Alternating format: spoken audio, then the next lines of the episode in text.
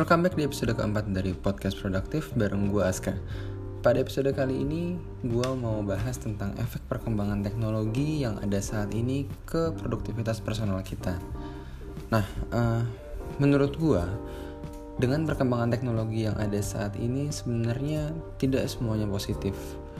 Justru sebaliknya, kalau dilihat dari kacamata produktivitas, ada kalanya teknologi itu malah memberikan efek yang negatif ke produktivitas kita.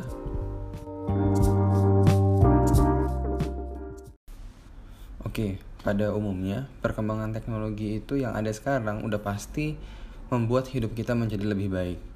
Bayangin aja sebelum adanya komputer, internet, smartphone, segala hal yang kita lakukan itu banyak yang masih harus dilakukan manual, masih harus dilakukan langsung dan sangat terbatas. Misalnya kalau kita mau discuss atau meeting paling kita harus ketemu langsung kalau mau efektif. Kemudian mencari data atau referensi itu itu sangat sulit sekali karena Google belum ada, internet masih mungkin sangat terbatas. Terus uh, belum lagi karena belum adanya smartphone, eh belum kita belum masuk ke era digital, maka masih sangat mengandalkan dokumen cetak yang which is pasti banyak banget ya intinya kalau kita bandingkan dengan kondisi di masa lalu di mana teknologi itu sangat terbatas dan kondisi saat ini di mana teknologi itu berkembang dengan sangat cepat sudah pasti kehadiran teknologi overall pasti lebih baik membuat hidup kita lebih baik. Tapi menurut gue teknologi itu bisa kita bisa kita anggap seperti api. Jadi api itu tergantung sama penggunanya. Kalau penggunanya menggunakannya untuk hal-hal yang bermanfaat, misalnya memasak, menerangi uh, sebagai uh, sumber cahaya, ya akan menjadi baik juga. Tapi kalau penggunanya tidak hati-hati, justru api itu malah berbahaya. Jadi prinsipnya menurut gue penggunaan teknologi yang tidak tepat justru malah membuat kita tidak produktif Padahal di era seperti saat ini, kita tuh dituntut untuk lebih dinamis. Kalau tadi gue bikin perumpamaan uh, dengan api, gue sebenarnya melihat teknologi itu sebagai hal yang netral. Artinya dia tidak 100% buruk atau 100% baik. Uh, beberapa manfaat teknologi misalnya sekarang ini pertukaran informasi itu bisa dilakukan dengan sangat cepat. Misalnya untuk mencari informasi kita udah punya Google. Kemudian untuk komunikasi ada WhatsApp, ada email, atau ada media lainnya. Yang mana semua aplikasi tersebut juga bisa memberikan notifikasi secara real time. Nah, yang kedua dari sisi workflow atau proses kita melakukan sesuatu itu sekarang menjadi lebih lebih streamline ya dan lebih sederhana. Kalau di di corporate itu ada email, chat application, Microsoft Office atau bahkan teknologi seperti ERP, robotik dan yang paling baru itu kita udah kenal AI, artificial intelligence dan juga ada yang lagi berkembang itu blockchain. Um, kemudian di kehidupan sehari-hari pun sekarang semua bisa dilakukan dari smartphone dan banyak sekali aplikasi yang memang didesain untuk memudahkan hidup kita baik untuk traveling, shopping sampai aplikasi yang dia didedikasikan untuk produktivitas seseorang. Contoh Evernote Dropbox, uh, Google Drive, dan lain sebagainya. Yang ketiga, perkembangan teknologi ini juga membuat bekerja lebih fleksibel, sehingga orang bisa dengan mudah itu bekerja dari mana pun dan kapan pun tanpa harus uh, datang ke kantor. Dan sebenarnya masih banyak banget efek positif dari teknologi, karena memang teknologi itu kan sebenarnya kalau ketika dia pertama kali diciptakan ya udah pasti diciptakan untuk mempermudah hidup kita. Tapi justru sebaliknya pada podcast kali ini gua mau meng-highlight efek negatif dari perkembangan teknologi yang ada saat ini. Jadi gue mau share beberapa uh, efek negatif ya. Yang pertama, efek samping dari notification.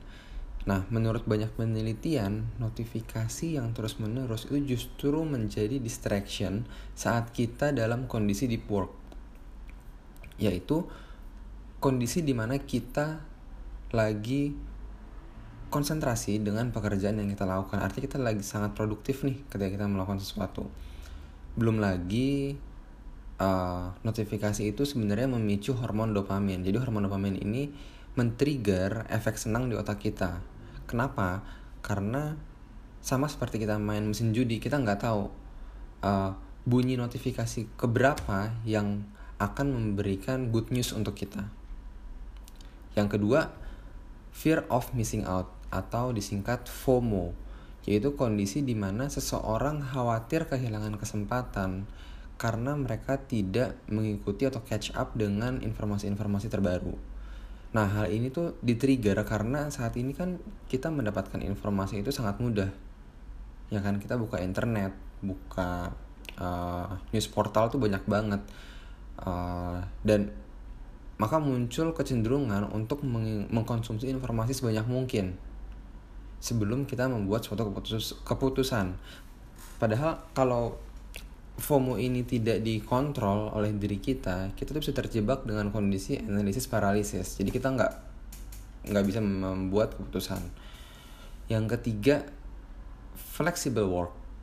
Nah, flexible work ini oke, okay, mungkin ada yang mendukung atau atau suka dengan dengan kondisi flexible work, mungkin ada juga yang tidak. Tapi intinya gini, karena saat ini kita bisa kerja kerja dari mana pun maka kita ada keharusan untuk uh, kapan pun dan di mana pun uh, selalu standby untuk pekerjaan kita artinya batasan dari work life balance ini tidak jelas sekali lagi preferensi tiap orang untuk poin ketiga ini bisa beda-beda yang keempat adalah addiction dan ini bisa macam-macam mulai dari social media addiction, video game addiction hingga in general ya phone addiction itu sendiri. Uh, rasanya banyak kita lihat orang di mana-mana sekarang nggak bisa lepas dari smartphone-nya. Oke. Okay?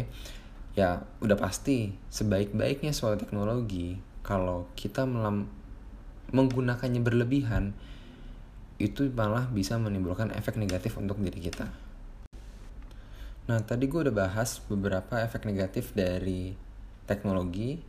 Nah, sekarang gue mau share juga beberapa rekomendasi yang um, menurut gue nih bisa membantu kita untuk memaksimalkan penggunaan teknologi dan eventually membuat kita lebih produktif. Yang pertama adalah membatasi penggunaan smartphone khususnya untuk hal-hal yang tidak produktif. Nah, untuk kalian yang menggunakan uh, iPhone itu bisa cek uh, di settings itu ada namanya screen time. Atau yang pengguna Android itu kalau gue baca ada yang namanya well-being app. Oke. Okay? Dan jangan lupa untuk kalian review uh, secara berkala dan coba untuk improve. Yang kedua adalah batasi penggunaan aplikasi komunikasi termasuk uh, WhatsApp, Line, um, sampai email dan aplikasi komunikasi lainnya yang ada di handphone atau komputer kalian. Nah, bila perlu kalian matikan notifikasinya, tapi buat schedule uh, kapan kalian mengecek aplikasi-aplikasi tersebut, gitu. Karena kalau menurut gue pribadi, ketika ada hal-hal yang penting dan urgent, itu kita pasti akan ditelepon. Yang ketiga adalah memanage ekspektasi orang lain.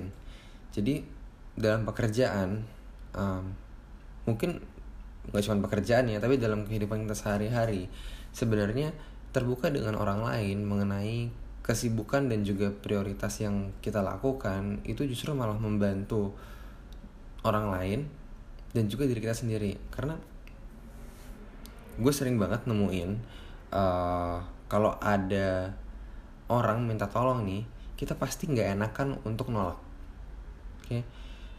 Padahal kalau kita berusaha untuk menjelaskan uh, apa yang lagi kita lakukan, yang pertama orang yang bisa jadi sebenarnya request yang mereka minta itu tidak urgent. Oke. Okay? Yang kedua, kita sebenarnya respect dengan uh, komitmen kita di awal. Okay? Dan tidak jarang dengan dengan kita terbuka itu justru malah uh, kita bisa mencari jalan tengah Nah, poin keempat ini sebenarnya masih terkait dengan poin pertama.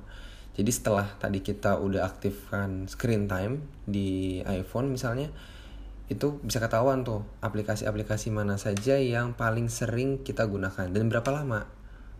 Oke.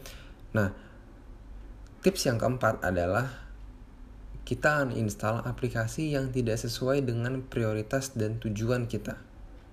Jadi kalau kita menggunakan Facebook, Instagram, Twitter itu hanya sebatas mengisi waktu luang, maka gue sarankan di uninstall aja. Kalau kalian masih harus buka, ya kalian buka dari web misalnya uh, sebagai contoh nih gue sendiri udah uninstall semua aplikasi game yang ada di handphone gue dan juga semua aplikasi sosial media kecuali Instagram. Dan rekomendasi terakhir dari gue yang menurut gue ini yang paling krusial sebenarnya yaitu kita berlatih untuk mengontrol diri kita sendiri.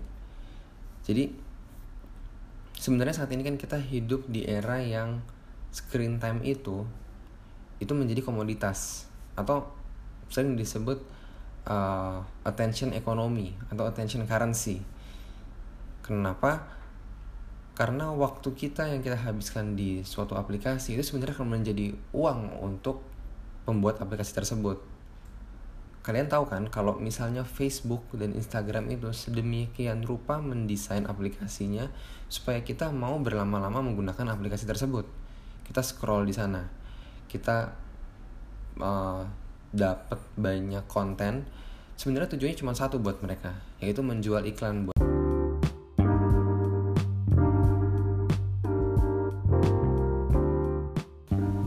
Jadi key takeaways untuk podcast kali ini adalah kita tidak mungkin menghindari perkembangan teknologi yang ada. Yang harus kita lakukan adalah mempelajari teknologi yang ada, kemudian menggunakannya sebaik-baiknya supaya bisa bermanfaat untuk diri kita. Karena sebaik-baiknya teknologi diciptakan itu bila penggunaannya salah atau berlebihan justru akan membawa efek negatif.